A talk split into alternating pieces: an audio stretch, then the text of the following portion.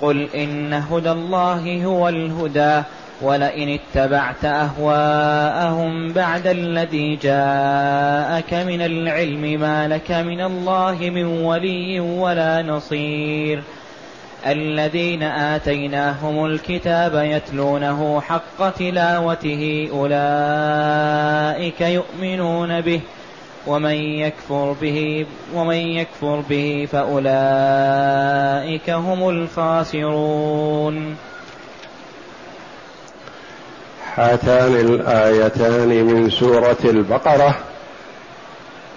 جاءتا بعد قوله جل وعلا انا ارسلناك بالحق بشيرا ونذيرا ولا تسال عن اصحاب الجحيم ولن ترضى عنك اليهود ولا النصارى حتى تتبع ملتهم. يخبر جل وعلا عبده ورسوله محمدا صلى الله عليه وسلم وأمته بأن اليهود والنصارى في تعنتهم هذا وسؤالهم ما لا ينبغي أن يسال أن يسألوا عنه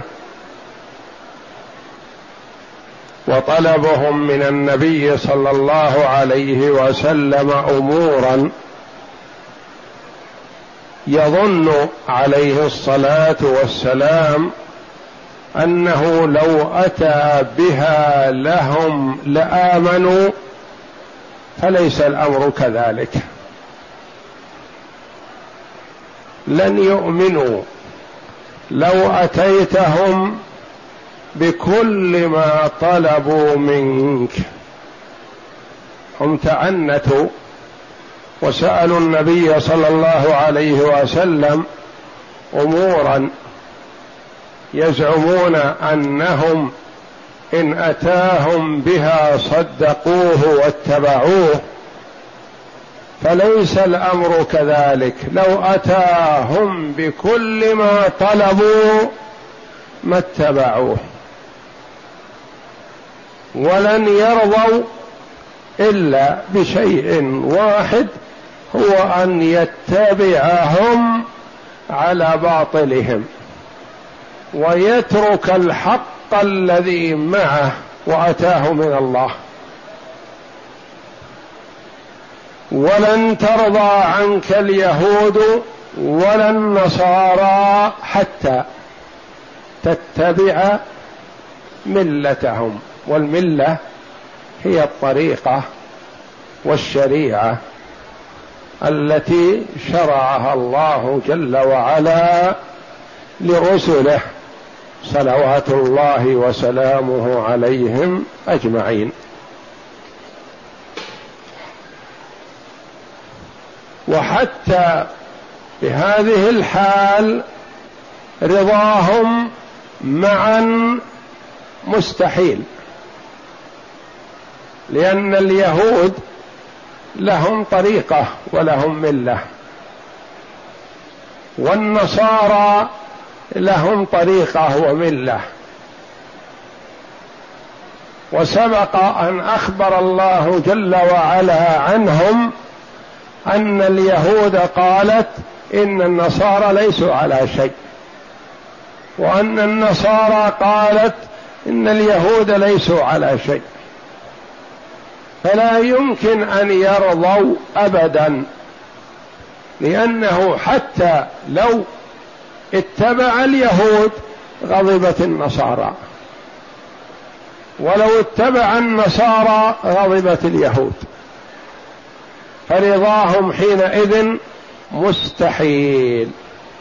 وفي هذا إخبار للمصطفى صلى الله عليه وسلم بأن ييأس من رضا اليهود ورضا النصارى على ما هم عليه. وأنه لن يرضى عنه منهم إلا من اتبع الحق معه. فمن اليهود من اتبع الحق الذي جاء به النبي صلى الله عليه وسلم. ومن النصارى من اتبع الحق الذي جاء به النبي صلى الله عليه وسلم. أما من لم يتبعه على الحق الذي معه فلن يرضى عنه أبدا. ولو أتاهم بما طلبوه ولو أتاهم بكل ما طلبوا لن يرضوا ولن يتبعوه. ولن ترضى عنك اليهود ولا النصارى حتى تتبع ملتهم. توحيد الملة لليهود والنصارى مع أنهم على ملتين وكل طائفة تخطئ الأخرى. أخذ من هذا بعض الفقهاء رحمهم الله قالوا إن الكفر ملة واحدة. كما تقدم لنا في الفرائض أن التوارث فيه أقوال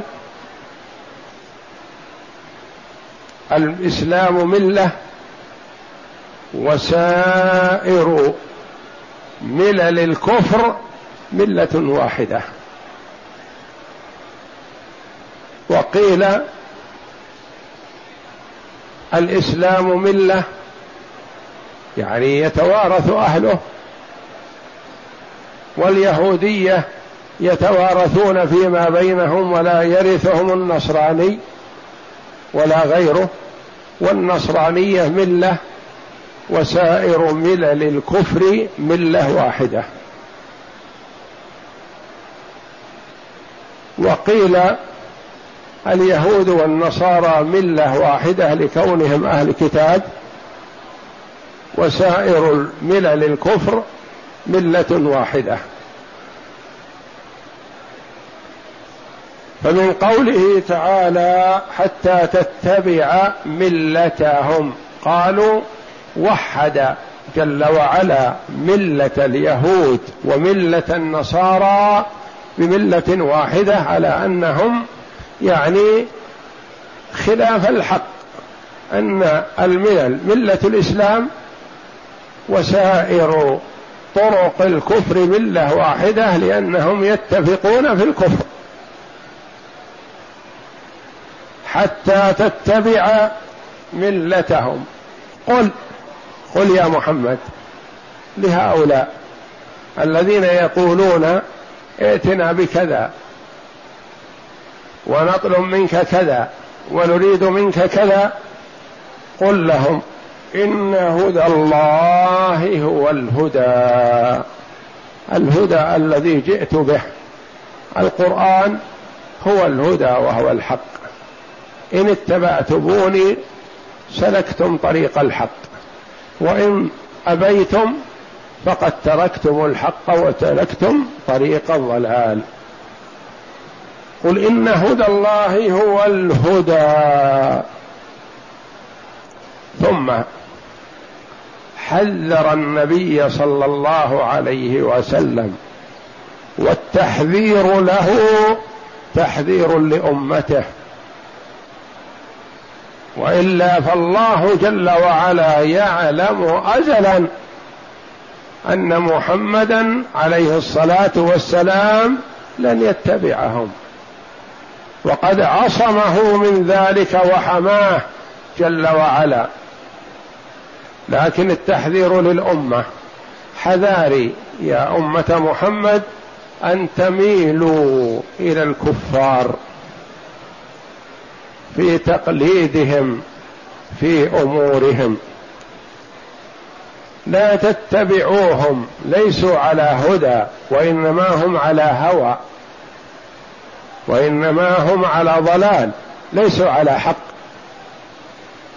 ولئن اتبعت أهواءهم بعدما جاءك من العلم ما لك من الله من ولي ولا نصير. إن اتبعتهم يا محمد وحاشاه عن ذلك والله جل وعلا يعلم ذلك لكن التحذير للأمة. إن اتبعتهم أهواءهم أهواء. والأهواء متعددة لأن لكل هوى لأنها طرق ضلال وطرق الضلال متعدد متعددة وطريق الحق واضح واحد. اهدنا الصراط المستقيم. وسبيل الحق سبيل واحد وسبل الضلال كثيرة متعددة.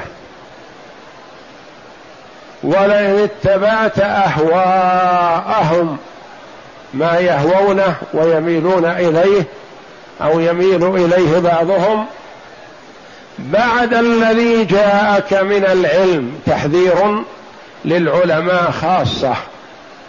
أن يميلوا إلى الكفار يميلوا إلى أهل الكتاب. عندهم العلم الواضح الحق البين الذي أتى به محمد صلى الله عليه وسلم حذر أن يتركوه ويأخذوا بسبل الضلال. بعد الذي جاءك من العلم ما لك من الله من ولي ولا نصير. لا أحد يتولاك ويدافع عنك ولا نصير ينصرك. وتقدم لنا أن الولي والنصير قد يتفقا وقد يختلفا قد يكون الولي ولي لكن ليس بيده شيء من النصرة. وقد يكون ولي قريب وبيده شيء من النصرة. وقد يكون نصير وليس بولي ليس بعاصب أو قريب من العصبة. وإنما هو ينصرك وإن كان أجنبي. فنفى الله جل وعلا هذا كله. لا تجد من يتولاك ولا تجد من ينصرك. لا من قريب ولا من بعيد. قال العلماء في هذا تحذير شديد. وتخويف لأمة محمد صلى الله عليه وسلم بعدما بلغها الحق أن تتركه وتأخذ بطرق أهل الكتاب اليهود والنصارى. ولئن اتبعت أهواءهم واللام هذه يعبر عنها العلماء بأنها موطئة للقسم.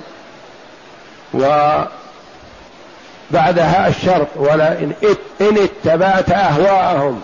من بعد ما جاءك من العلم والجواب جواب الشرط ما لك من الله من ولي ولا نصير. اقرأ.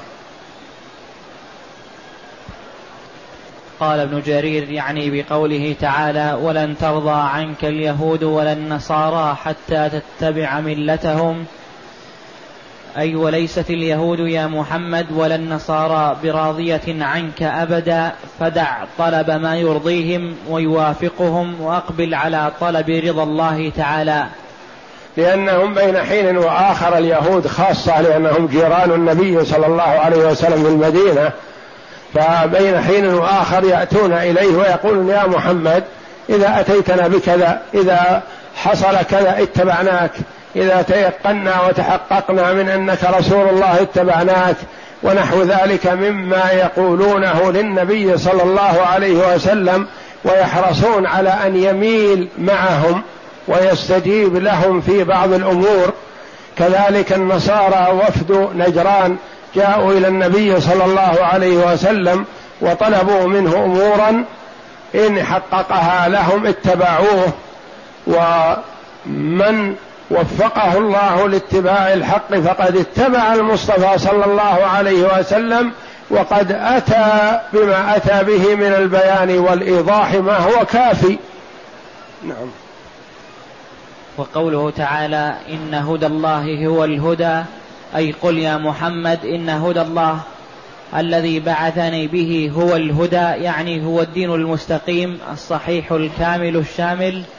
لأن ديانتهم كانت حق لكنهم ما ثبتوا عليها ولو تمسكوا بما في كتبهم لسارعوا إلى الايمان بمحمد صلى الله عليه وسلم لأن كتبهم تدعوهم إلى الإيمان بمحمد صلى الله عليه وسلم. وقد بلغتهم أنبياؤهم صلوات الله وسلامه عليهم أجمعين باتباع محمد صلى الله عليه وسلم إذا بعث. وهم بدلوا وغيروا وزادوا ونقصوا. فما هم عليه وقت بعثة محمد صلى الله عليه وسلم ضلال. وإلا فاليهودية ديانة التي جاءت بالتوراة المنزلة على موسى عليه الصلاة والسلام حق لكنهم ما تمسكوا بالتوراة. والإنجيل الذي أنزله الله جل وعلا على عيسى حق لكن النصارى ما تمسكوا بالإنجيل تلاعبوا بكتبهم وزادوا ونقصوا وحرفوا لأن الله جل وعلا وكل بهم الخير من فوقهم يعني من السماء ومما تنبته الأرض. وفي قوله تعالى قل يا أهل الكتاب لستم على شيء حتى تقيموا التوراة والإنجيل وما أنزل إليكم من ربكم. قل يا أهل الكتاب لستم على شيء يعني أنتم على الباطل حتى تقيموا التوراة والإنجيل وما أنزل إليكم من ربكم الذي هو القرآن. إذا أقمتم التوراة حقا آمنتم بما أنزل إليكم من ربكم. إذا أقمتم الإنجيل حقا آمنتم بما أنزل إليكم من ربكم حينئذ تكونوا على الحق. يعني وكما قال عليه الصلاة والسلام والله لا يسمع بي يهودي ولا نصراني من هذه الأمة ثم لا يؤمن بي إلا كان من أهل النار. اليهود والنصارى بعد بعثة محمد صلى الله عليه وسلم إذا لم يؤمنوا به فهم قطعا من أهل النار. قطعا هم أهل النار لأنهم مأمورون بالإيمان بمحمد صلى الله عليه وسلم. ويطلق على اليهود والنصارى أنهم من هذه الأمة يعني من أمة الدعوة لأن الأمة أمة الدعوة وأمة الإجابة. فأمة الدعوة كل عاقل من اليهود والنصارى والمشركين وجميع الملل من الجن والإنس. هم أمة الدعوة يعني مدعوون. وأمة الإجابة هم من آمن بمحمد صلى الله عليه وسلم من الجن والإنس. أمة الدعوة يعني مدعوون. كل من على وجه الأرض من العقلاء فهم مدعوون وهم من أمة محمد من أمة الدعوة. والمؤمنون الذين اتبعوا النبي صلى الله عليه وسلم من أي ملة من الملل هؤلاء يسمون أمة الإجابة يعني استجابوا. والنجاة لأمة محمد صلى الله عليه وسلم أمة الإجابة. النجاة لأمة الإجابة. وأما أمة الدعوة فمنهم المستجيب. ناجي ومنهم المعرض هالك. نعم. أي إذا أقمتموها حق الإقامة وآمنتم بها حق الإيمان وصدقتم ما فيها من الأخبار بمبعث محمد صلى الله عليه وسلم والأمر باتباعه ونصره ومؤازرته قادكم ذلك إلى الحق واتباع الخير في الدنيا والآخرة كما قال تعالى وقل للذين أوتوا الكتاب والأميين أأسلمتم؟ فإن أسلموا فقد اهتدوا وإن تولوا فإنما عليك البلاغ والله بصير بالعباد. فالله جل وعلا يتولاهم وهو الذي يحاسبهم على ما في ضمائرهم. وأنت يا محمد وظيفتك البلاغ والبيان وقد بلغ عليه الصلاة والسلام البلاغ المبين. والله أعلم. وصلى الله وسلم وبارك على عبد ورسول نبينا محمد وعلى آله وصحبه أجمعين.